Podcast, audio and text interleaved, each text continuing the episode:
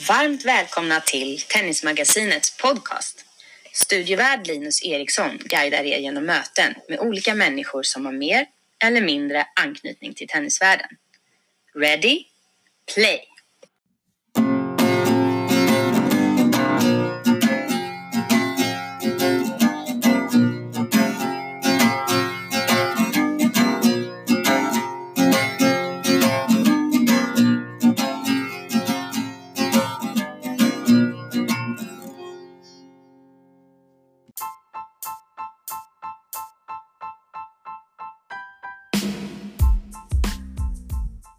Nu säger jag äntligen. Det har blivit dags att täcka in ett otroligt viktigt område här i podden. Idag har vi fyscoach Johan Widenmark som gäst. Jag skäms lite att det dröjt ända till slutet av det här året innan vi pratar ordentligt om fysträningen inom tennisen. Men idag ska vi i alla fall fokusera ordentligt på det här. Johan Widenmark fyllde 41 år i början av december och har en bakgrund som tennistränare. Men han har alltid strävat efter att få fokusera helt och hållet på fysträning kopplat till just tennis. Han har ett gediget CV vad gäller utbildningar, vilket han berättar mer om i själva avsnittet. Efter att ha jobbat i Kungälv, Påvelund och i Oslo som tennistränare har han sedan några år tillbaka verkat i Mälarhöjdens IK Tennis som just fystränare. I det här avsnittet pratar vi bland annat om fysträningens status i Sverige. Vad behöver man fysiskt vara stark på som tennisspelare idag? Samspelet tennis och fysträning och hur, hur man får de här bitarna att synkas. Är tennisträning den bästa grenspecifika träningen man kan få? Alltså fysträningen. Hur tränar man uthållighet på bästa sätt? Grenspecifik kontra allsidig fysträning. Och så pratar vi lite om tester för tennisspelare. Ett superintressant avsnitt som jag tror många av er kommer ha nytta av och lära sig en hel del utav. Så ta chansen nu att lyssna uppmärksammat. Nu lämnar vi plats för Johan Widenmark.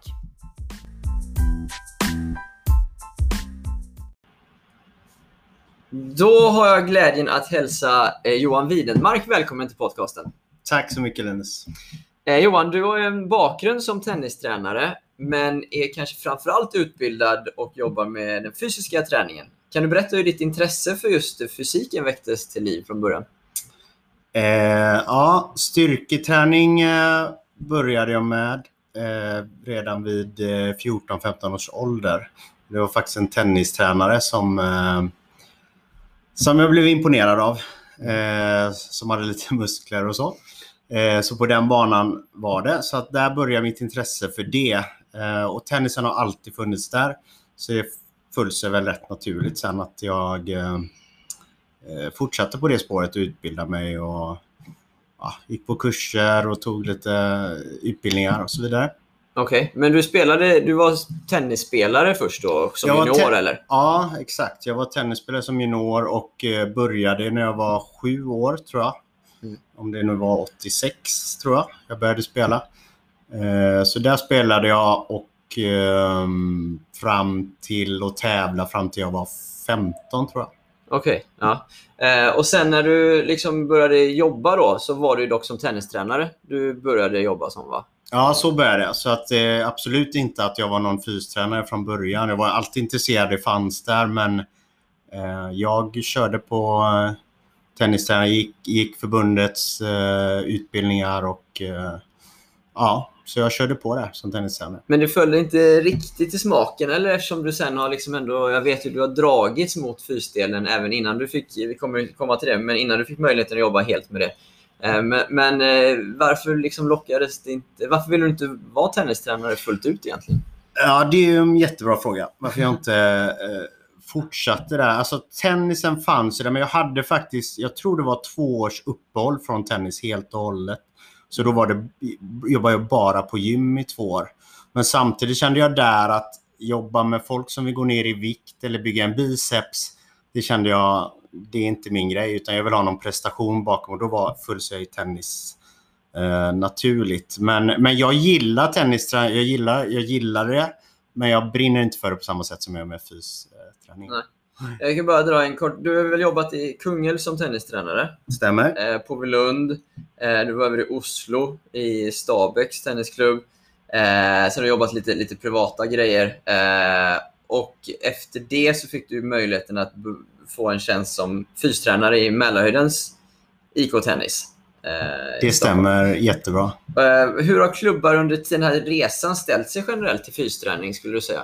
Som alla runt, som föräldrar, som spelare, som klubbar. Eh, det behövs och det är intressant men vi kommer nog inte satsa på det så mycket. Utan du kan få några timmar. Eh, säg att man hade då 20 timmar eller lite mer på banan som tennistränare och så fick jag väl 4 till 8 timmar kanske som fystränare. Och det tycker man eh, räcker då.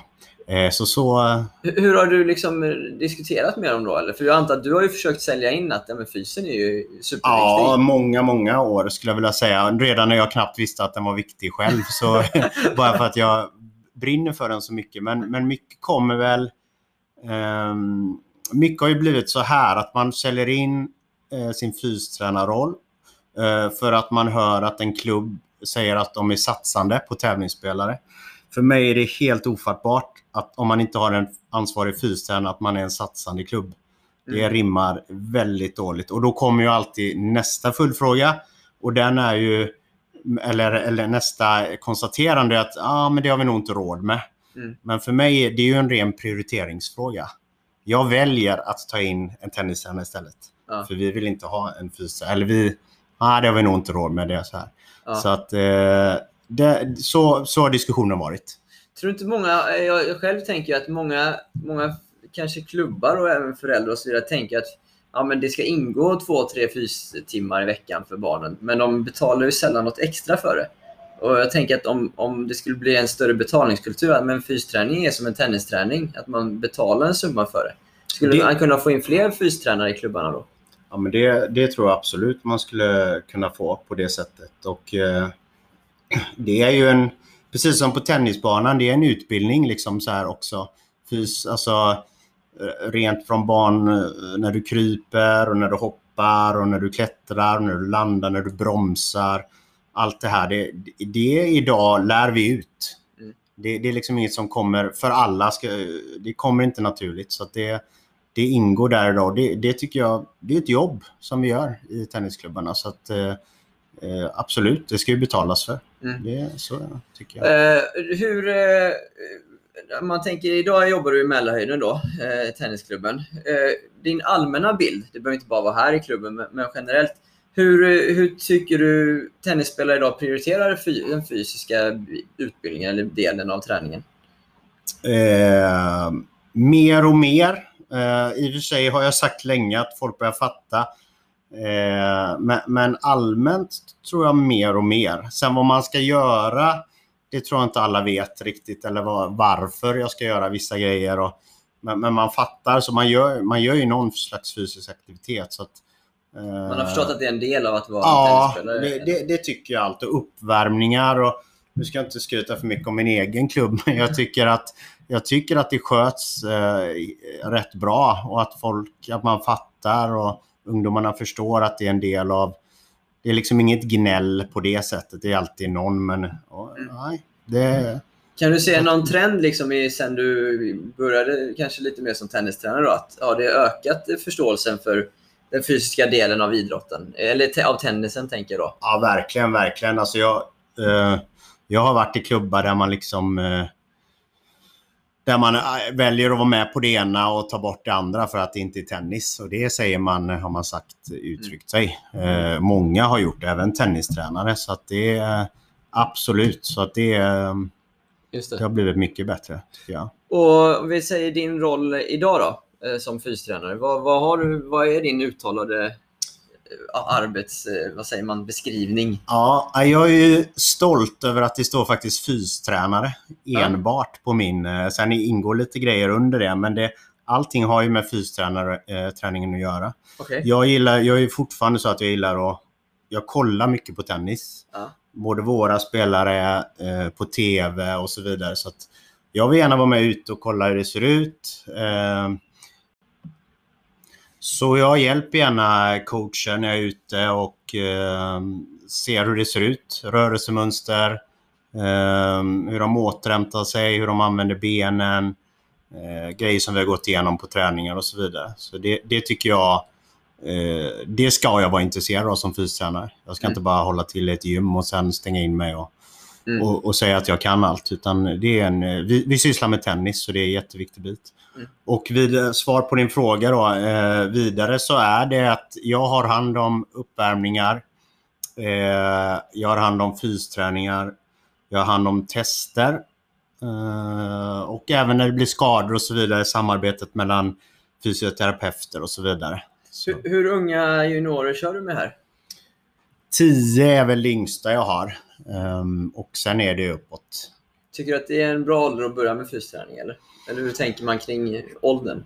Ålder tänker jag att man absolut, jag skulle kunna börja vid åtta skulle jag vilja säga. Eh, redan. Och när jag pratar om fysträning vid åtta så pratar jag ju stora grejer som hopp, eh, springa, eh, kanske brom, börja bromsa in lite och byta riktning redan där. Eh, klättra, använda stora muskler, rygg och så vidare så att man får det här eh, robusta grunden som jag brukar säga Okej. från början. Eh, Johan, jag tänkte, vi, du var inne på det lite i början, så här, att du utbildat dig och så vidare. Vad, vad har du gått för utbildningar om vi pratar rent eh, fysmässigt då? Fysmässigt så gick jag eh, TK3 var väl den första inom tennisen jag gick.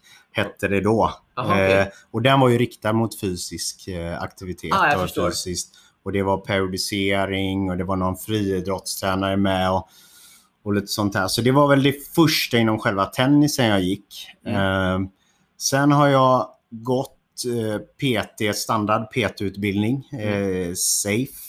Mm. Ehm, den utbildningen. Sen har jag gått två utbildningar, ehm, amerikanska utbildningar på distans genom Grace Institute. Och sedan har jag gått friidrottsutbildning Mm. eh, med löpning och så vidare. Då. Och eh, även lyftutbildning, lyftarutbildning, det vill säga olympiska lyft. Eh, kårutbildningar och så vidare. Och eh, senast var väl 3D-funktionutbildning och som det nu heter nu, evidensbaserad praktik. Och den håller jag på med nu Mm. samtidigt som jag håller på med FTU, alltså friidrottstränarutbildningen på Bosön. Okej. Men, Det var en gedigen, ett Ja. gediget CV. Ja, för att jag tycker att det är... ehm, det är ju väldigt utspritt vad man tycker är viktigt och vad man tänker, eh, framförallt mot idrott och så vidare. Hur man tränar, hur man ska träna och så vidare. Så att jag, jag tar gärna inputs även om jag inte håller med. Ja, ja. Ja. det, ska, det, är så, Ja. det är så man ska Ja. tänka. Ja, men det jag. tänker jag. Absolut. Är det liksom någon del som du känner att här har du ändå blivit väldigt påverkad eller hämtat väldigt mycket inspiration ifrån? Eh, Eh, jag, jag, eh, jag är i grunden från bas ut eh, skivstång, kan man säga. Eh, det är min eh, grund ut, eh, som jag själv hållit på med mycket. Ja. Som jag lärde ut i början, bland annat i Göteborg när jag var där i Kungälv där jag började en gång i tiden.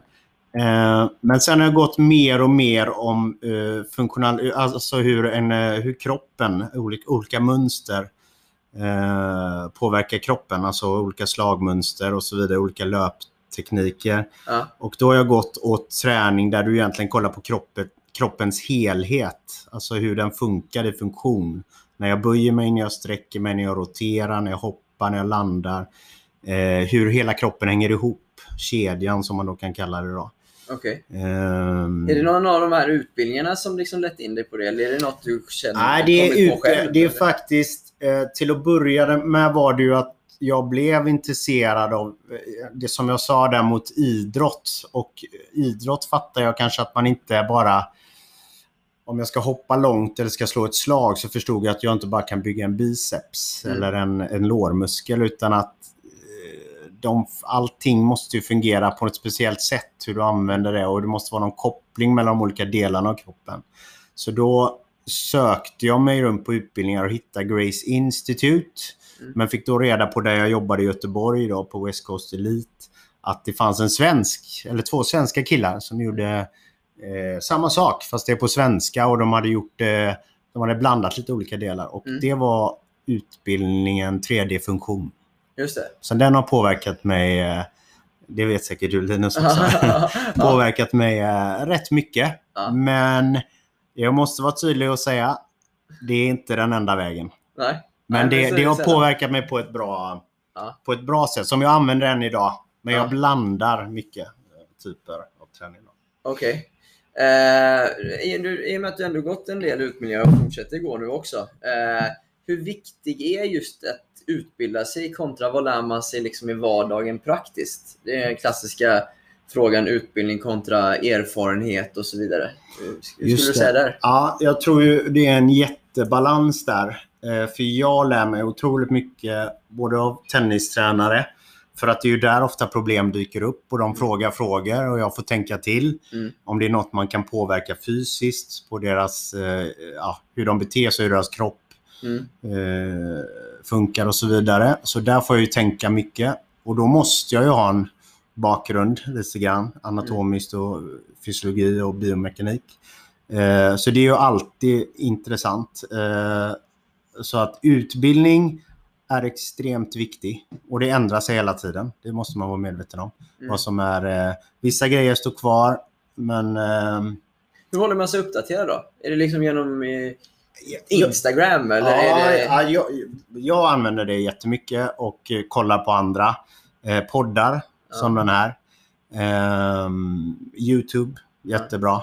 Ja. Eh, och sen har man ju genom Instagram då, som du säger själv, där har jag otroligt nog fått ett jättebra kontaktnät där jag även ställer en del frågor och folk frågar mig och, Ja. eh, och så vidare. Så det, det är ju jätte, där håller jag mig väldigt eh, bra uppdaterad tycker jag, eh, på ett bra sätt.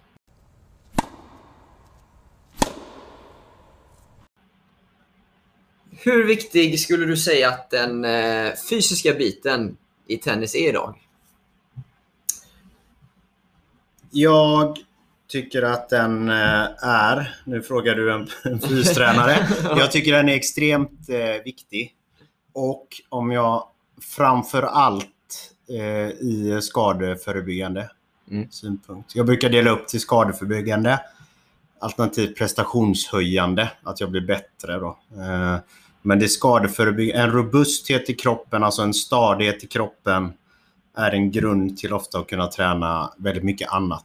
Träna för att kunna träna, så att säga. Hur mycket tid lägger man på de här två? Du sa du la upp till två delar där nästan. Skadeförebyggande och Mm. prestationshöjande sa du va? Ja, Eh, hur, hur fördelar man den tiden? En, spe, en, en spelare Alltså- som ändå spelar ganska mycket nu. ja just det. Just det. Skadeförebyggande för mig är inte bara massa småövningar som många ser det här med att göra utåtrotationer på axeln och jobba med rotatorkuffen och höja och sänka ett skulderblad. Och, utan för mig är det även grundövningar eh, där du kan hålla, en, hålla balans, visa att du har bra stabilitet hela, genom hela kroppen. Eh, så en knäböj för mig kan vara en skadeförebyggande eh, övning. Okej. Så att, eh, för att det, är bygg, det är för mig att bygga en grund. Man, man måste bygga den innan du står och eh, jobbar med en, en, en rotatkuff till exempel, anser jag. Mm, mm. Eh, Och- Så och- det är skadeförebyggande. Men på, på, på din fråga så är det ju 50-50, om inte 70-30 nästan på skadeförebyggande. Alltså att man bygger, att man inte gör kanske specifika grenspecifika grejer utan att man bygger en axel, eh, bygger upp benen, Ja. eh, bygger upp kontrollen och balansen och så vidare. Och återhämtning och sånt då? Det räknar man utanför själva fysdelen då? Eller hur? Ja. Jag tänker det här när man ligger och rullar med sina foam rollers eller eh, ja, du vet, Just det. jobbar Det som man kan diskutera kanske, lite också. Ja. Men, men, eh, ab- absolut, Nej, men det, det ligger ju också med så att säga. Men, det är ju det här som är så komplext att få ihop alla de här bitarna. Men det är ju, det är ju, det är ju en bit av det hela och det är ett efterarbete som ska göras som har andra aspekter också kan jag tycka som att eh, reflektera till sin träning, eh, ta det lugnt, komma ner i varv, stressa ner. Ja. Eh, kanske planera inför nästa pass och så vidare. Eh, när man sitter på cykel eller rullar eller vad man nu gör. Men det är en extremt viktig bit. Så alla bitarna är ju viktiga Mm. eh, för att hålla. Men det är ju noggrannhet i allt. Det är ju kosten och det är eh, sömnen och de bitarna. Det hör ju ihop Så det är väldigt svårt att liksom pinpointa. För att återhämta mig så måste jag rulla till exempel. Det, så, så lätt är det inte. Liksom, så här. Eh, jag vet att det här är svårt liksom att, förklara, och framförallt kanske i tal här nu, men- men ändå lite om man skulle kunna komma in på det. Hur, det finns ju så många områden en tennisspelare behöver, behöver vara bra på. Ja. Eh, du får liksom fylla i, men man behöver liksom ha en viss form av styrka, uthållighet, rörlighet. Vi pratade om rörelsemönster på banan, snabbhet. eh, Så här. Det är så många delar. Hur tänker du som fyscoach för en spelare när du ska liksom lägga upp en plan för en spelare? Bra. Och det är där... Eh, det är en jättebra fråga. Eh, jag tänker allsidighet. Precis det du säger i princip. Det är... Jag tror ju inte det går att bara... Eh, nu säger jag emot vissa här nu då, men att köra skivstång. Bara Nej. på någon. Jag tror säkert det har gått för någon. Mm. Men jag tror definitivt inte det bara. Jag tror att man behöver träna vissa delar. Du behöver träna inbromsningar. Du behöver träna första steg. Du behöver träna kroppen ut i konstiga positioner. Mm. För att känna igen positionen för att bli stark i positionen. Och lite vad jag menar med det, det är till exempel om, man, om vi kör en vanlig knäböj. Eh, vi har ju vi har ju ljumskar, framsida lår, utsida lår, baksida lår. Alla de fäster i höften. Och vi vet att höften kan röra sig i alla möjliga positioner. Mm. Om jag då ställer mig med samma längd mellan, mellan fötterna, samma position gör en knäböj upp och ner. Mm. Och vi vet att idrotten ser väldigt, inte alls sån ut. Mm. Och vi vet att ehm, just höften då är väldigt komplext i rörelse. Så tycker jag definitivt att vi ska stressa och använda den på massa olika punkter. Men jag måste också säga att samma sak gäller ju där. Att jag får ju ha någon slags grundstabilitet innan Mm. jag kanske. Men jag skulle definitivt börja tidigt med att köra till exempel utfall i olika riktningar. Mm. Eh, olika eh, steglängder. Mm. Alltså lite bredare, bredare mellan benen lite smalare mellan benen. Fot inriktad, fot utriktad. Och köra och stressa eh, muskler, senor, leder, fascia, allting som hör, hör, hör, hör ihop med det här. Då, så att man, man blir van Mm. vid situationerna helt enkelt som händer på tennisbanan. Det är min filosofi. Mm. Eh, men jag är väldigt blandad. Så att jag försöker, om jag till exempel testar av en spelare, så är det just det här. Jag bromsar in, jag testar utfall i olika riktningar. Jag gör inte bara en knäböj. Utan jag testar hur, hur, de, hur de uppför sig där. Fälls överkroppen, går knäna in, är Mm. fotlederna överrörliga? Eh, har de extrem svank? Det kan du se. kan inte bara screena av någon i en position eller två positioner utan massa positioner och så kolla var, de, var är den svaga länken, vad kan jag stärka, vad är de bra på och så vidare. Ja. Eh, Så jag, på svaret på din fråga är ju att jag, är, jag kollar av väldigt allsidigt. Så här. Okej. Eh, uthållighet måste också finnas där. Ja. Eh, Ja, vi, uthållighet kommer vi tillbaka Mm. till. Det är en Ja, det intressant fråga där. Men, men om vi säger då, som här i Mälaren nu, eftersom det är här du, du jobbar och vi sitter här nu idag också. ja. Eh, ni har ju ett gäng som ändå spelar lite mer på en hög nationell nivå, får man ändå säga. Ja. Hur mycket fysträning är schemalagd för dem en vecka som de är hemma? Kör de Eh, ett pass per dag eller varannan ja, dag eller två då- pass per dag? Vi har ett pass per dag. Ehm, har du tennisträning så har du fysträning. Så kan man väl eh, lätt säga. Okej. Så har de fem, eh, fem gånger i veckan som Mm. en del har. Så där de är här så har de ett fyspass förknippat. Jag håller i uppvärmningen. Mm. Bland annat för att se att ja, vi får med alla delar som vi Mm. har svårt att få med. Och en uppvärmning för mig kan bestå av, det kan bestå av cykel, det kan bestå av balans, eh, koordination, Mm. eh, allt möjligt egentligen. Då. Ehm, Ja. och eh, sedan så har de alltid fysträning i samband med tennisen. Okej. Ja, är med. I klubb, på klubb. Eh, om man säger, om vi tittar på tennisen som idrott. Eh, hur skulle du säga att fysiken har förändrats de senaste vet, tio åren? Eller de senaste åren kan man säga. Har den förändrats eh, om man ser på elit, kanske de bästa spelarna? Eller på idrotten i sig? Ja, man, de- slår, de, ma- man slår ju hårdare. Eh, så, så är det ju. Så tempot är ju högre. Så du får ju vara snabbare, du får stå emot större krafter. Ja. Ehm, om man kollar statistiskt så är väl bollduellerna eh, kortare om man tar en, en, bit framöver i alla fall. Eller bo, eh, bakåt. Mm. Och, eh, vilket gör att det blir mycket intensivare. Väldigt Mm. explosivt under korta tider kan man säga. Mm. Eh, samtidigt som en match kan vara lång. Då. Ja. Att, eh, Och hur får man tänka då kring hur man lägger upp fysträningen? Säger, ja. Ja, men det, exakt. Men jag förstår din fråga. Eh, ja, där kommer ju det här igen. Då, så att det är givetvis, om jag inte kör något specifikt, så gillar jag intensitet. Intensitet är det på banan. Gärna intensitet i gymmet. Jag måste säga att det beror ju på det tråkiga svaret. För att det kan vara att man kör något specifikt med någon i gymmet, precis som på tennisbanan. Ja. Så att, eh, men om det är något generellt och vi ska jobba igenom hela kroppen och jobba inom kedjan så jobbar jag gärna med power, explosivitet. Okej. Eh, så det blir, och intensitet då. Eh, för så ser det ut. Och så får du återhämta dig. Mm. Och så kör man på. Eh, Ibland eh, hör jag eller så att vissa säger att ja, men den bästa fysträning du kan få, det är tennisträning. För då är det exakt så som idrotten. eh, Då tränar du på det du behöver träna på. Vad tänker du kring det? Ja, jag tänker också att man kan... Det är en jättebra faktiskt... Ibland när man jobbar man rörelsemönster och så, så gillar jag ju rack. Rack i handen och vändningar och så vidare och hur du jobbar snabbt in. Splitsteppet, trycker ifrån, bromsar in och vänder riktning. Det kan vara väldigt bra med rack tycker jag. Så Okej. det blir väldigt, eh, väldigt likt. Ja. Eh, men sedan handlar det om att belasta kroppen mer än vad den är van vid. Så att du blir bättre alltså på någonting. Ja. Så det vill säga om du har en medicinboll och kan tjoffa iväg den Ja. eh, rejält så, så jobbar du med styrkan och kedjan, styrkan från benen och höften, bålen ut genom armarna och så vidare. Så att det blir tyngre då än vad det blir eh, tennismässigt.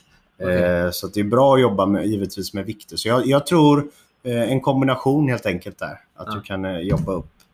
Ehm, Om man, om man ser på det här samspelet mellan tennis och fysträning. Så här, du var ju Mm. själv inne på att du tycker det är viktigt att hålla dig uppdaterad hur, du- hur det ser ut för spelarna på banan. Och jag, jag vet ju själv, du är ute och kollar på träningarna här på banorna emellanåt. Så. det. Hur, hur funkar samspelet mellan tennistränarna och fystränaren, dig i det här fallet? då? Brukar ni köra gemensamma pass ihop eller är det, synkar ni liksom eh, på veckobasis hur det ser ut för spelarna? Eller hur, ser, hur jobbar ni där?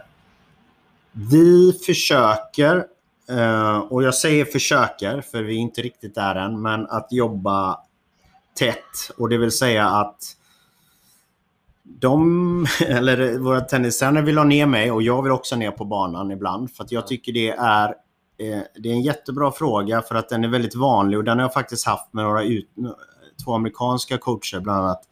Eh, just det här med att alla är experter på sitt. Mm. Man håller sig inne i gymmet för jag vet vad som gäller. Jag vet hur rörelsen ser ut. Hur Mm. Och kollar inte så mycket på tennisen. Utan men det är extremt viktigt att jag inte kör knäböj med min elev i gymmet och ser jädra vad starka de blir. Och vad starka de har blivit. Så här. Och så kommer då tenniscoach och så säger han "Ja, de, inte, de använder inte sina ben. Kör, kör ni aldrig ben? Eh, och då, då fattar jag att kopplingen inte finns där. Att använda benen för att trycka ifrån med tyngdöverföring, vertikalarbete och så vidare.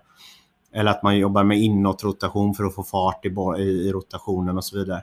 Så att då, e, extremt viktigt tror jag att det kopplas. Och jag har varit med om det själv flera gånger. Jag gör själv samma sak, känner att det känns bra. Men kopplingen finns inte på tennisbanan så man får inte ut den, eh, den power som man kan få ut. Så att det eh, målsättningen för oss är, vi har uttalat att vi ska jobba tätt ihop. Vi gör det ibland men kan absolut göra det ännu mer. Jag tror den är jätteviktig. Och Att jag lyssnar ihop. på tennistränaren och, och tvärtom. Och jobba ihop, hur menar du då? Att liksom du är med på banan eller att Nej, de men- är med i gymmet? Eller hur då? Alltså tekniskt nej att jag är med på banan. Eh, det, det, kan vara en, det kan vara en forehand. Hur det ser ut. Vi vill, vi vill ha mer ben. Ja. Vi vill ha bredare stance. Kan vi jobba på något sätt eh, ett fysmoment och sen direkt in på ett eh, live-tennis, eh, en, eh, riktiga momentet. Och sen känna att det finns en koppling där så att jag sen kan gå upp i gymmet, påminna dem om den här kopplingen som vi sen såg på banan. Mm. Så att man kan jobba på det sättet. Och som jag säger det igen, vi kan bli mycket, jag kan bli mycket bättre på detta. Och jag tror det är jätteviktigt. Jätteviktigt. Mm. Eh, vi har varit inne lite Johan på, på det här med att eh, du jobbar mycket för, med, ja, för att motverka skador och så vidare. Att en stor del av fysträningen är det. Vilka skador är de vanligaste för tennisspelarna? Skulle du säga? Eh, då kan jag, jag får säga lite vad jag har sett. Vi har haft rätt mycket åt rygghållet. Mm. Eh, faktiskt. Fötter har varit med om lite, axlar konstant. Men det tycker jag inte är, i alla fall inte på tapeten på samma sätt eh, kanske längre, men det finns ju där. Ehm, så, så jag skulle vilja säga dem, rygg, eh, fötter och ehm, någon ljumske ibland när man börjar på grussäsongen och så vidare. Mm. Eh, man glider ut och hamnar i lite extrema positioner och så vidare. Är det här områden som du tror är liksom, det är för, på grund av att tennis, idrott, idrotten tennis ser ut så? Att det är mycket slitage på det? Eller är det för att där kanske vi ligger lite efter med vad vi prioriterar på, med fysträningen? Förstår vad jag menar? Ja, det- jag, jag ja. förstår vad du menar. Jag tror att det beror på hur idrotten ser ut. Att vi roterar extremt mycket. Vi behöver extremt många timmar för att bli bra. Mm. Så att eh, man kan jämföra lite med repetitioner i gymmet. Alltså du gör, säg att du spelar forehand och backhand ett antal hundra gånger. Mm. Så det är rätt. Jag menar, du skulle inte gå in i gymmet och köra eh, eh, bänkpress eh, 350 reps. Eh, det är inte många som gör. Så, att, så att det är otroligt många repetitioner, vilket gör slitage. Ja. Och där kommer vi till den andra punkten med fysträningen, där det inte är grenspecifikt. Att man inte kör det, utan stärker istället i grundpositioner som jag tror är lika viktigt. Och det är där jag går ifrån, som jag sa tidigare, då, lite grann hur, vi, hur man kan jobba olika ställen för att det ser ut så på tennisbanan. Det tror jag definitivt vi ska göra. Men jag tror det är lika viktigt att vi ibland jobbar, eh, om man nu ska säga enkelt, rakt upp, rakt ner. Mm. För att stärka någon slags grundposition. Eller helt enkelt för att göra något som vi inte gör på tennisbanan. Mm. Eh, rotera åt andra hållet. Kasta med vänsterarmen istället för om du är högerhänt. Mm. Till exempel. Då. Eh, så det, det tror jag är extremt viktigt. Ehm, Du var inne på det, bara sidospår men att eh, när man är till exempel i gymmet och kör, eh, ska man som tennisspelare jo- jobba med lite lättare vikter och fler repetitioner? Eller ska man jobba tyngre vikter och, och färre repetitioner? i, eh, när, du börjar, när du börjar som ung, Ehm, när du börjar komma upp där vid 10-12 så absolut, eh, och börjar känna på lite vikter, då är det ju många repetitioner. Men ska du sedan bli, bli stark och så vidare så, så är det ju färre repetitioner. Och eh, 68 repetitioner ungefär kanske. eh, för att bli starkare i något moment. Men, men då får jag påpeka igen att eh, viss teknik och viss balans och viss eh, kroppsmedvetenhet krävs ju för att vara där. Men det är ju det man som sagt får börja med yngre åldrar. Då.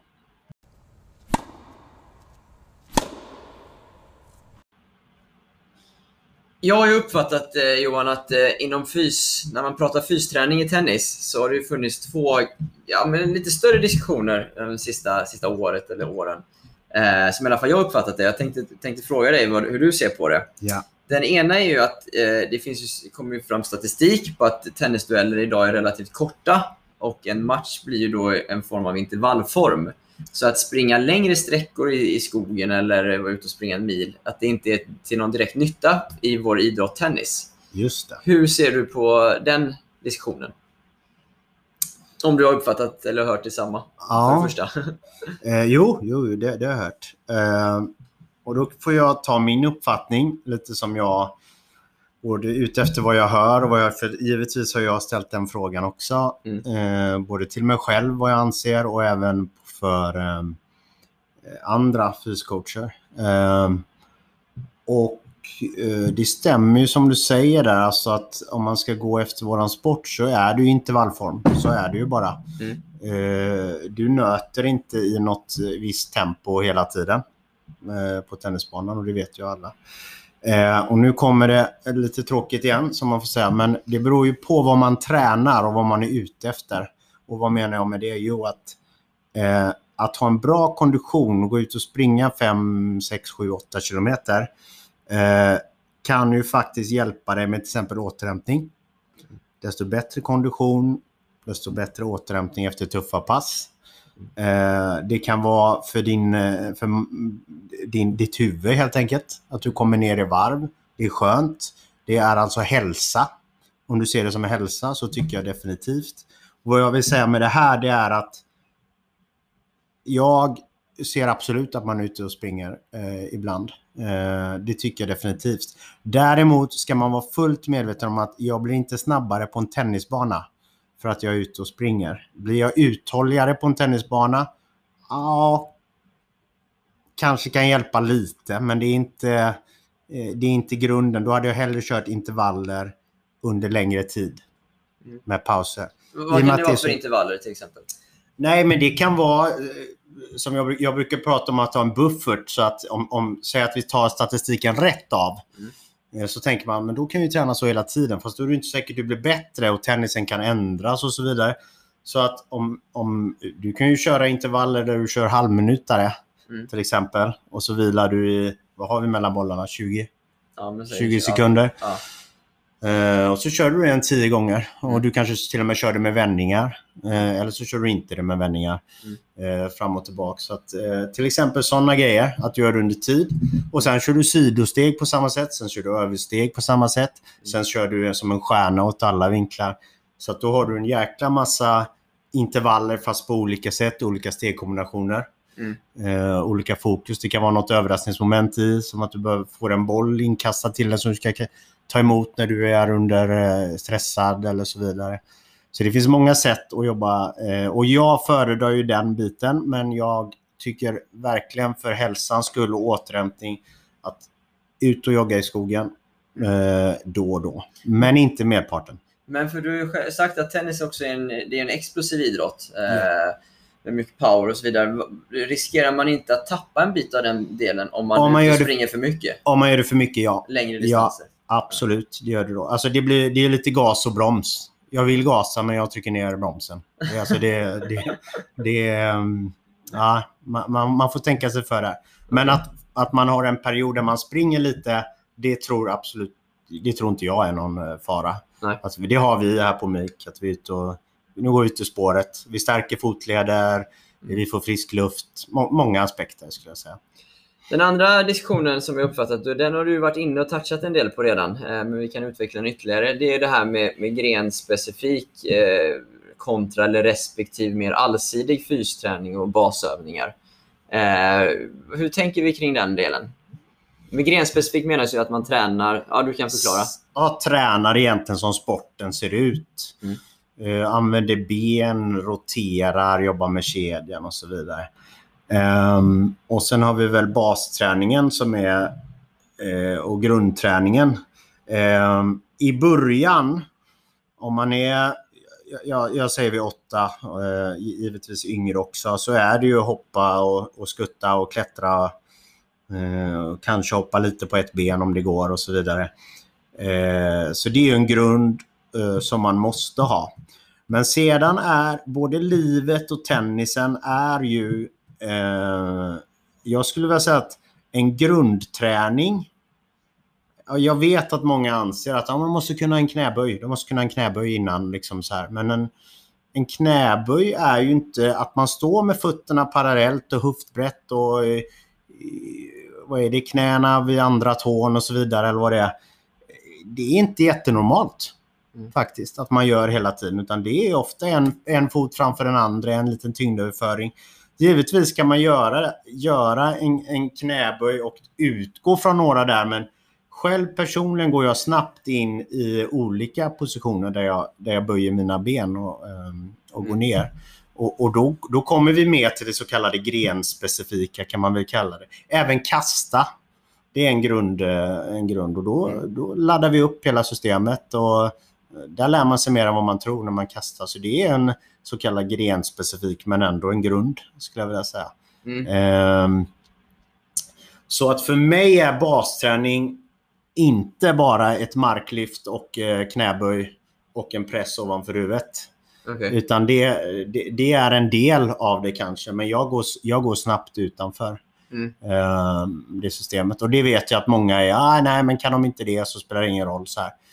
Men samtidigt om du, om du kollar på hur, hur vi rör oss och hur vi gör i vardagen, i andra sporter, i tennis, så är det inte bara rakt upp, rakt ner. Nej. Eh, Så är det inte. Så därför, därför kan man fråga, är det då en basträning? Ja. Om, vi inte allt, om vi inte gör så så ofta, utan vi, vi gör ju väldigt olika. Mm. Ehm, men jag själv, jag, ja, rätta, jag, bland, jag blandar ju, men jag skulle absolut i början på vår åttonde sätta ut stegen en liten bit utanför. Eh, och inte bara ett vanligt utfall rakt fram och eh, rakt ner, utan, utan testa dem rätt snabbt på olika, olika grejer. Okej. Eh, men så, så även om man liksom är väldigt... Så här, jag är tennisspelare, jag ska bli tennisproffs. Så behöver man träna situationer som inte uppstår på tennisbanan också, eller? Det har, tror har jag jag. uppfattat det rätt Det, då, ja, det tycker jag absolut. Så att eh, självklart går man går ju mer åt tennis, men du måste ha de bitarna för att speciellt om du får in eh, en, en del vill ju, går ju bara in i tennisen och Mm. det är ju så vi har idag. Säg att du har missat hela den här... Du har, du har, du har, du har det här data, datatänket, du är inne mycket, du är inte ute så mycket, men du satsar på tennis. Då, och då kanske du har missat allt det här. Klättra, dra sig upp, Mm. eh, krypa på olika sätt, eh, eh, byta riktning, hoppa ner och landa på ett ojämnt underlag. Det tror jag mer och mer att vi på klubban och vi som fystränare måste skapa. Mm. För det skapar en så kallad robusthet, en stadighet i hela kroppen. Och, ehm, och, och då bygger du en, jättebra bas tror jag. Mm. Eh, men där är, där är utbildning och viktigt för oss. Mm. Att, vi, att vi jobbar. Och då, det är utanför tennisen. Mm. Det, är ju inte, det är ju inte specifikt att som en forehand till exempel och så vidare. Utan Mm. där jobbar vi utanför. ehm, för, att lära, för, för att kroppen ska bli van vid dem. För jag tror på en, en ren ensidighet.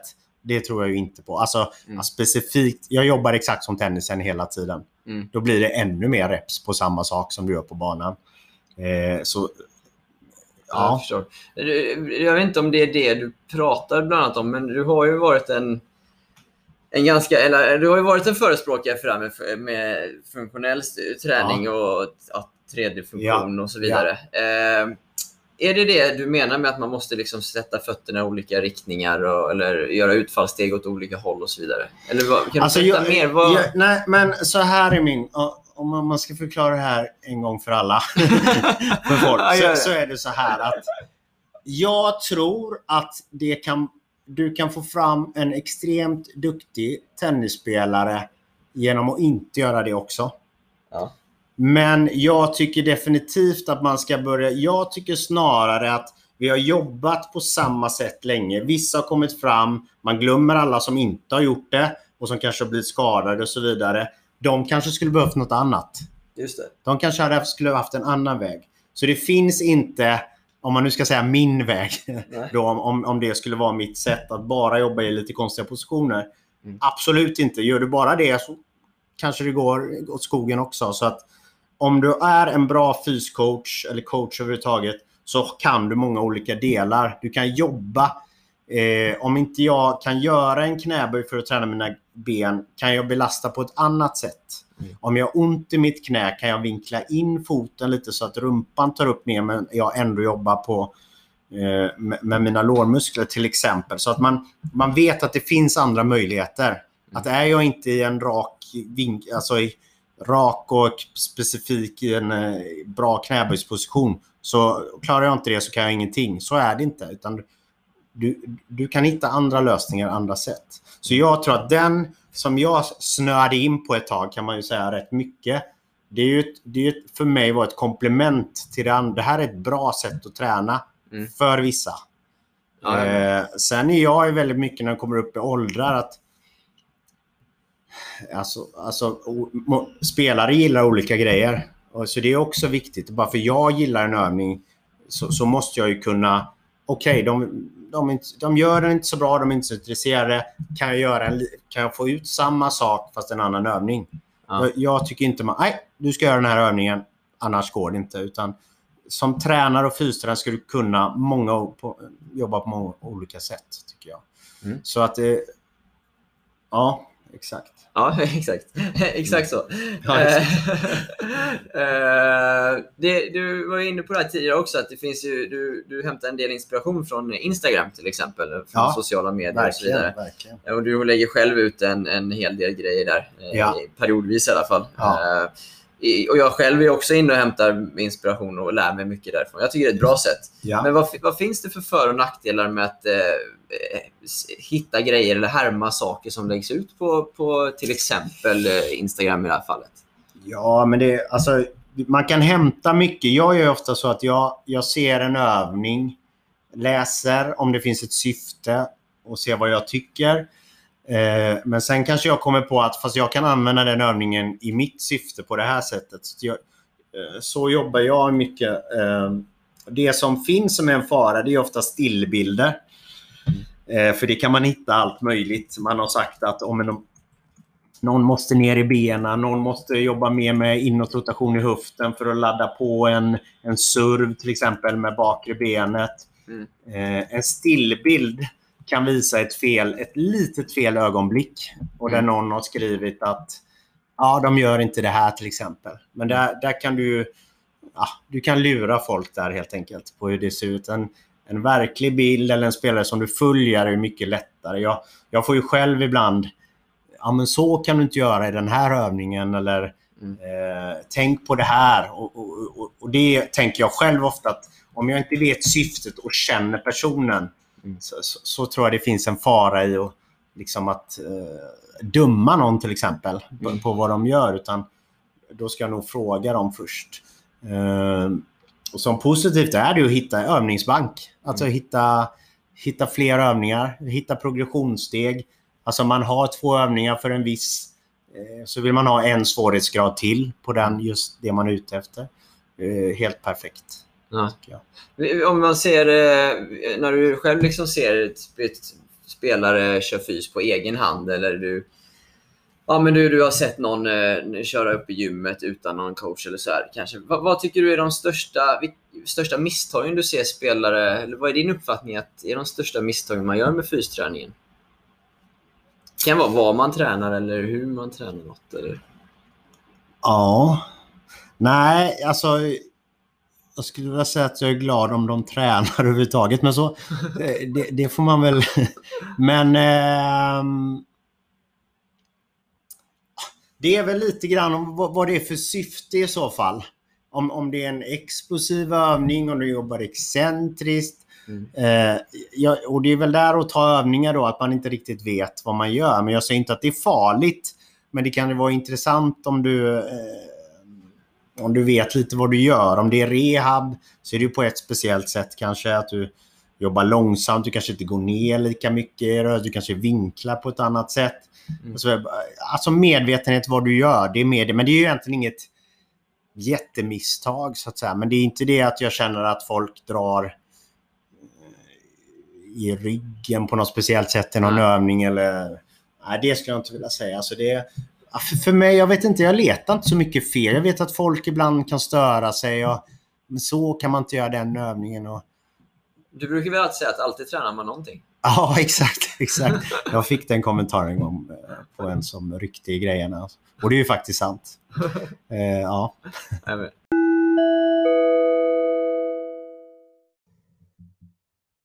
Jag vill bara lägga in, f- flika in här att ibland tycker jag att det pratas väldigt negativt om sociala medier när det gäller träning. Att ja, man ska inte härma för mycket övningar på Instagram och de här Instagram-coacherna kallas det. Och att man, det, man förstår inte syftet när man ser eh, grejer på sociala medier. Fast jag vet inte om jag håller med om det. Jag tycker det är ett jättebra forum att hämta inspiration ifrån. Det är som Johan säger, att man, man kan se lite nya varianter. Spelarna tycker det är kul med nya övningar. Eh, man kan själv dela med sig av sina erfarenheter och kunskaper. Eh, jag har haft jättestor glädje av till exempel Johans Instagramkonto där han lägger ut, har lagt ut massa övningar under några års tid nu eh, och förklarar vad det är för någonting. Så, så länge man kan ta reda på syftet med det, och det kan man ju bara skicka ett meddelande till tränaren och fråga i så fall som har lagt ut det, så tycker jag det är ett jättebra ställe att dela in, eh, information och kunskap på eh, tränare emellan. Så ja, jag är för sociala medier. Eh, men det är intressant är att vi har ganska mycket olika uppfattningar om den biten, upplever jag, inom tränarkåren.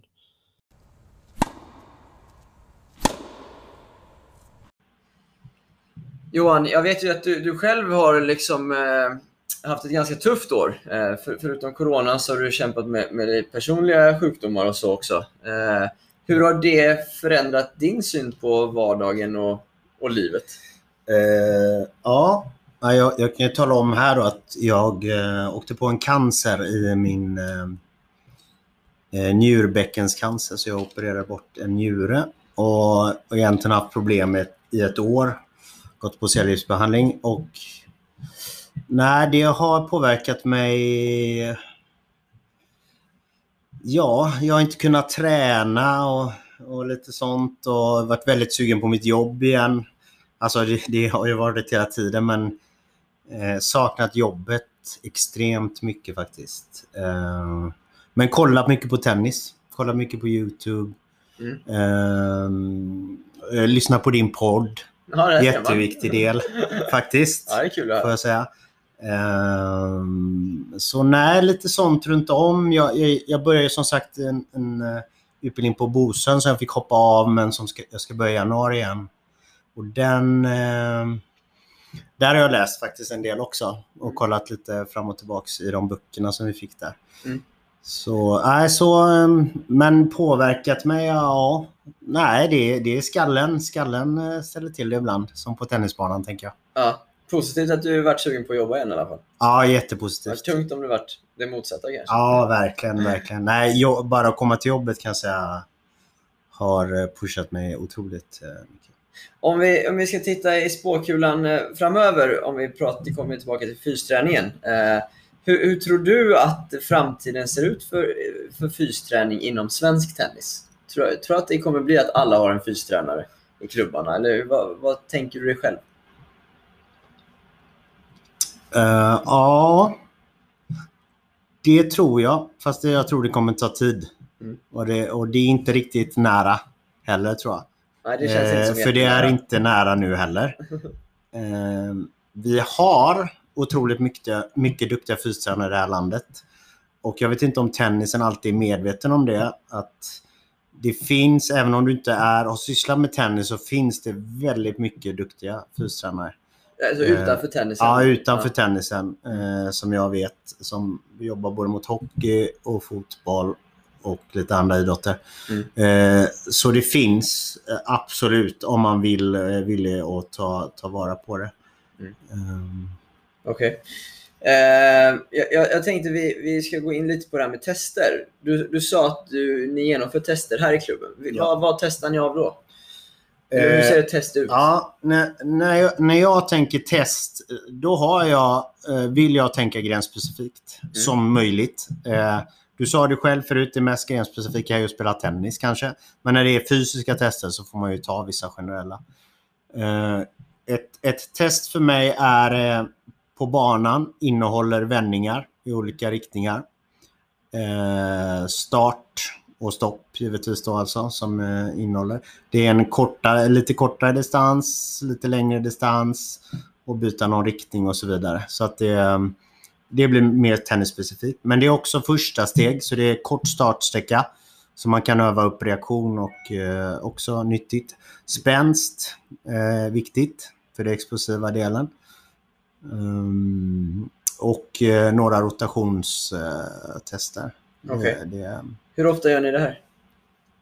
Eh, målsättningen var att göra en gång per termin, men där kan jag också erkänna att vi har väl gjort eh, eh varit lite dåliga med att få ut det. Okay. Eh, så, som det ska vara. Men eh, samtidigt är jag lite för att eh, i våra fysträningar så tycker jag att vi försöker lägga in eh, test så att säga varje gång. Ja. Man pratar mycket om testperiod och den test. Allt på sätt och vis ska vara en test, tycker jag. Okay. Eh, lite grann. Och det, det, kan vara hur vi ökar i styrka i vissa övningar. Eh, eh, det kan vara hur snabb jag är och så vidare. Att man tar tid på träning också. Att man testar Eh, så att det inte blir så att jag personligen är lite sådär att det ska vara en testperiod. Eh, jag gillar att man testar hela tiden egentligen. Det är samma sak med rörlighet om du ska scanna av någon. Det är inte bara att göra en gång utan det kan vara från gång till gång. Det kan vara att någon har skadat ett knä lite grann, får ett kompensationsmönster i någon annan för att knät är stelt. Eh, och då kan man inte gå efter mitt rörelsetest som jag gjorde för fyra veckor sedan. Utan då ser det annorlunda ut. Eh, och så vidare. Så att, eh, jag, jag tycker test är... Eh, testa ska man göra kontinuerligt. T- Testar ni uthålligheten också? Vi gör det, tre kilometer. 3 km? Ja. Ja. okej. Är med. Eh, för de spelarna som, som ligger liksom lite längre fram i utvecklingen så vet jag att det görs ju tester på, på regionala träffar med i det här fallet Tennis Stockholm då, eftersom du är verksam här och även på vissa landslagslägen med, med Svenska Tennisförbundet och så vidare. Har du någon erfarenhet av spelare som har varit med på sådana bitar? Jo, men det har jag. Jag har varit med, eh, jag har varit med för länge sedan och jag har varit med eh, ja, hyfsat nyligen får man väl säga. Ehm, så där har jag varit med ehm, på de testerna också. Vad gör, vad gör du med sådana resultat som kommer tillbaka från sådana tester? Ska jag vara helt ärlig så att för några år sedan så tog jag väldigt mycket hänsyn till dem. Mm. Eh, några år sedan, rätt många år sedan, får jag faktiskt säga då. Eh, för det var då jag började intressera mig så att jag fick lite sådana testresultat och tog hand om det och kollade igenom. Men så upptäcker jag att det fanns så mycket mer eh, än just de här testerna och det är lite det jag Alltså eh, testar man en grej och så är de inte så bra på en annan grej och så blir de bra på det testet. För att vi övar just för det. Om, speciellt om det var ett test som var inte tennislikt. Mm. Till exempel chins. Mm. Eh, Övar jag på chins så blir jag bra i chins. Mm. Så enkelt är det. Blir jag bättre i tennis? Nej, det tror jag inte. Men eh, eh, så att säga. Så att, sen gick, så jag gick mer och mer och kanske inte tittade jättemycket på um, eh, på de testerna. Rätt eller fel? Jag vet inte. Ibland absolut. Jag kollar över för vi får ju skicka det om det är någon som har gjort en medicinbaskast. Eh, femhopp på något eh, inte så jättebra sätt. Så um, absolut, jag kollar i. Alltså det är inte det att jag bara struntar i det. Det, det skulle jag nog inte säga. Men jag eh, inte jättenoga. Du följer med det ni gör här då? Kan Ja, man säga. jag, jag, jag, jag följer ofta mina spelare rätt tätt. Så det, Mm. så det är nog, eh, men, men det är inte det att jag inte bryr Jag tycker det är jättebra att man gör det. Man måste, man måste, man måste testa, för det är inte alla som har fystränare heller. Nej, men om du säger att det är jättebra att man gör det, men du själv säger att du bryr dig inte jättemycket om det. Då menar du de som inte har fystränare? I, Ja, det menar, det menar jag i så fall. Eh, Tror du att de följer upp det då? Om man inte har en fystränare i en klubb, följs verkligen de här fystesterna upp då? Nej, Vem följer upp det då? nej, det tror jag inte med. Så Det då är det ju, jag- jag egentligen är det bortkastad tid då, att göra de här testerna. Ja. Om inte regionen eller förbundet vill ha en Ja, bank och se. Eh, Eller om man, om, om man ändrar den eh, liksom, uppfattningen hos tränare. och eh, Det man kan få ibland, som jag tror att en del ändå följer upp det, det är att just eleven själv, ah, jag var dålig i det här eller jag var eh, tjatar om någonting. Då tror jag kanske att man uppmärksammas då. Men, eh, Ja, vet. Eh, nej, men det är väl generellt som det ser ut idag. Jag tycker folk gör väl, eh, eller i Sverige, jag ska inte säga folk, utan eh, vi gör väl vår egna grej. Tyvärr, får man väl säga. Ja. Eh, det finns ju lite riktlinjer, jag tänker, ja men de är ju inte stenhårda och man utbildar sig på eget eh, håll och så vidare. Och att, jag tycker det är jättebra att vi har haft tester och så. Jag följde det, som jag sa i början, jättemycket. Men det var väl mer sen att man själv kom närmare spelarna, fick en uppfattning om vad man tyckte själv och så vidare. Men givetvis, allt finns, eh, all, allt finns kvar och vissa tester använder jag själv som Mm. mång, jag, faktiskt sedan många år sedan. eh, Femhopp och så vidare. Och.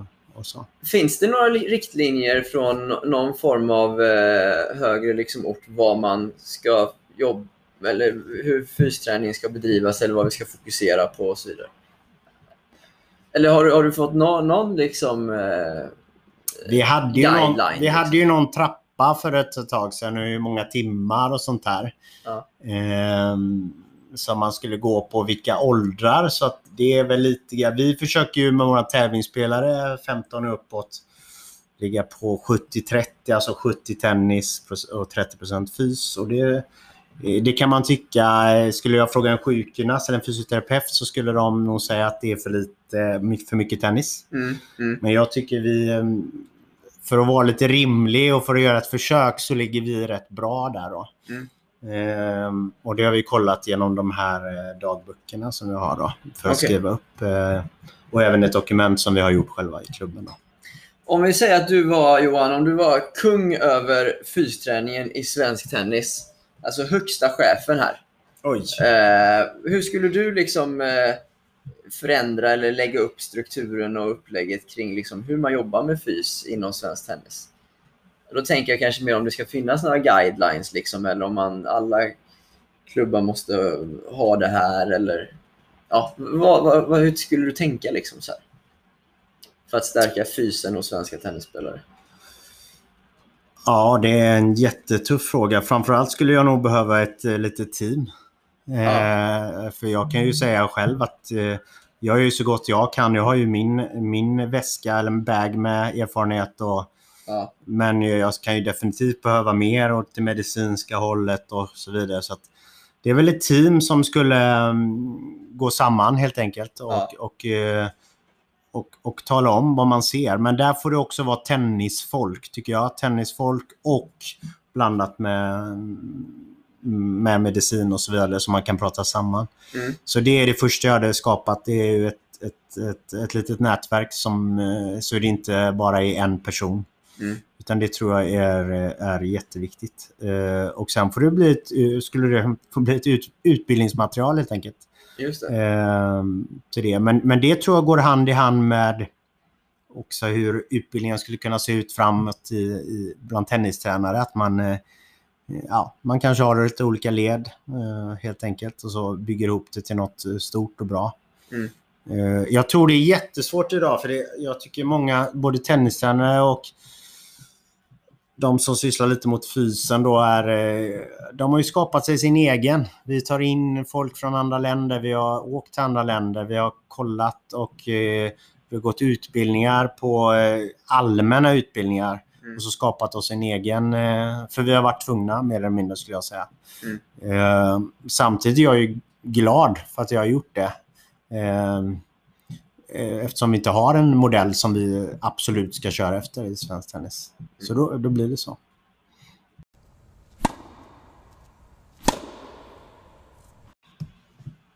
Johan, nu är vi inne på den sista delen här med, med de lite mer standardfrågorna jag ställer till, till många gäster. Och nu kanske det blir lite mer fysrelaterat då, eventuellt. Det är Ja. upp, upp till dig. Ja.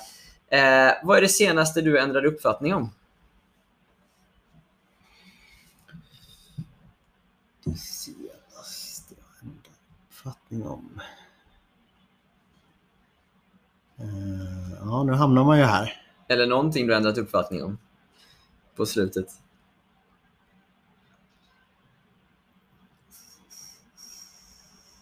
Nej, den får jag tänka på alltså.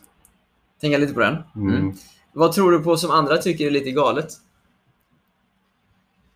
Eh, ja, det har ju varit det här då med lite olika fotställningar och inom fysen och lite konstiga knäböj och lite udda pressar ovanför huvudet där du eh, får aktivera bål och lite andra grejer sammankopplat.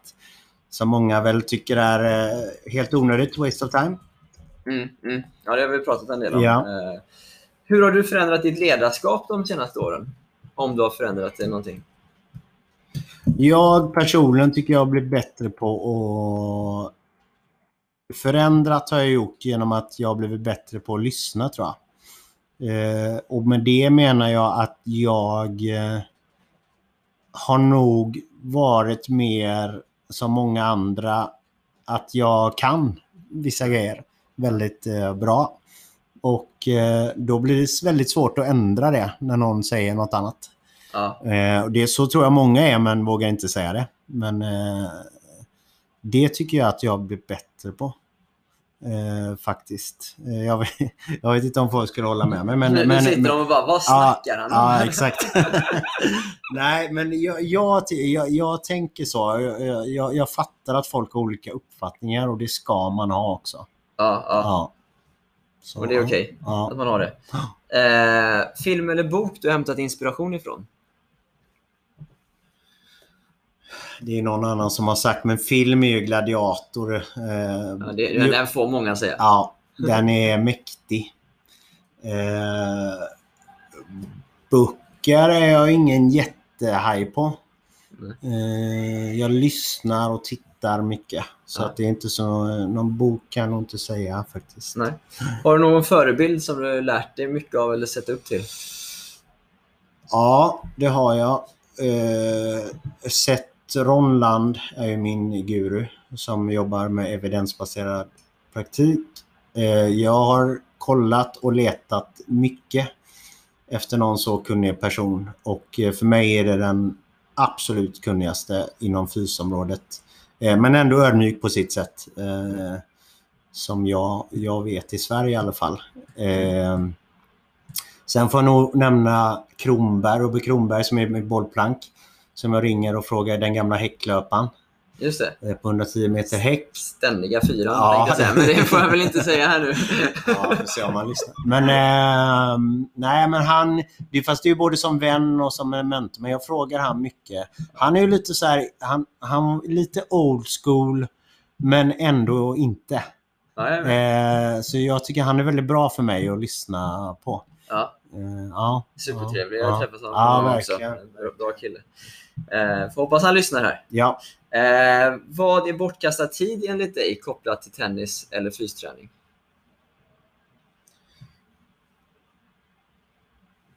Ja, bortkastad tid. Mm. Ja, bortkastad tid för mig är nog faktiskt att köra massa långdistanslöpningar. Ja, du säger det ändå. Ja, jag Ja. säger det. Eh, Men, men då får jag gå tillbaks eh, till det jag nämnde förut att då och då någon gång i veckan, absolut. Men om du lägger tid på det och lite fokus på det Ja. eh, skulle jag säga waste of time. Ja. Vad är det senaste du gjorde för första gången? fick cellgiftsbehandling. Jag tänkte så här, men det, är- det är ju inget kul svar så. Ja, men det är ändå Eh, någonting. men det, det hoppas jag all, att, in, att folk slipper. Eh, för det var inte trevligt.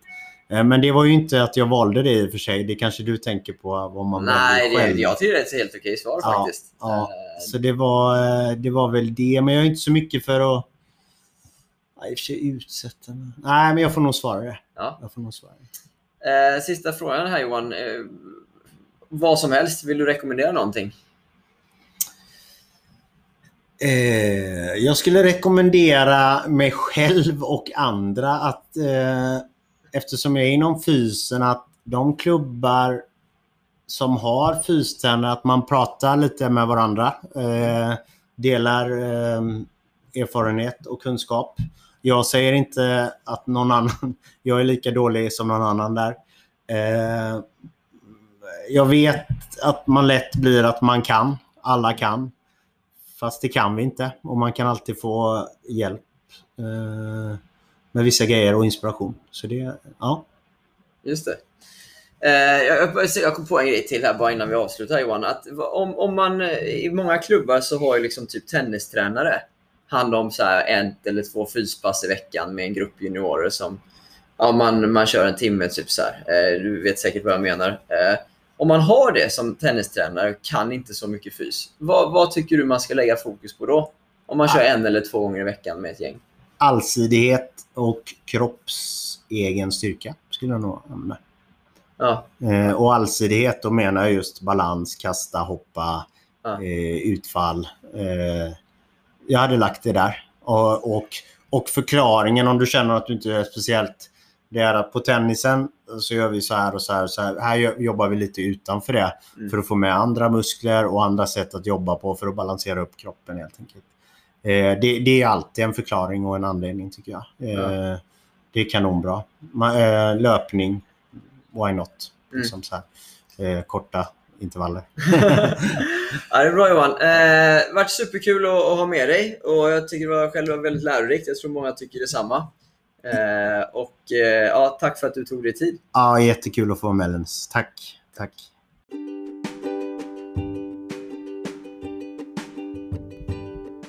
extremt kul att få ha med Johan i podden måste jag säga. Alla coacher, oavsett område, har givetvis lite olika bakgrund, erfarenhet, utbildningar och synsätt. Johan har sitt, en annan fyscoach har ett annat.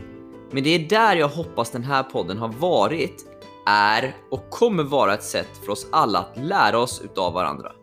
Ett forum där många olika får komma till tals och dela sin kunskap och sina synvinklar. Jag har alltid beundrat Johan för hans strävan efter att få jobba med just den fysiska delen av tennis och jag vet att han har tagit en del fighter i klubbar han varit för att få fokusera på just det här. Det han säger i början, att det är en prioriteringsfråga vad en klubb lägger sina pengar på, håller jag med till 100%. Det går att ha mer fokus på fys om man som klubb bara vill. Men återigen, där kanske arbetet med vad klubbens syfte verkligen är kommer in. Frågor om hur mycket grenspecifikt man bör träna, hur långa intervaller man bör träna både i ren fysträning och tennisträning på banan, det är en never ending story. Rätt och fel beror nog på helt på vem man frågar. Men i alla fall jag har väl landat i någonstans att man bör träna så tennislikt som möjligt om man tränar intervaller och så vidare. Men att precis som Johan säger, man bör få in både och. Det är olika saker man kanske vill fokusera på. Jag kan tänka mig att det här är ämnen som öppnar upp för en hel del diskussion och förhoppningsvis konstruktiva sådana. Så, nu tar vi hand om varandra så hörs vi snart igen. Vill ni komma i kontakt med mig, mejla som vanligt på linus.eriksson.tennismagasinet.se eller skriv till mig på Instagram.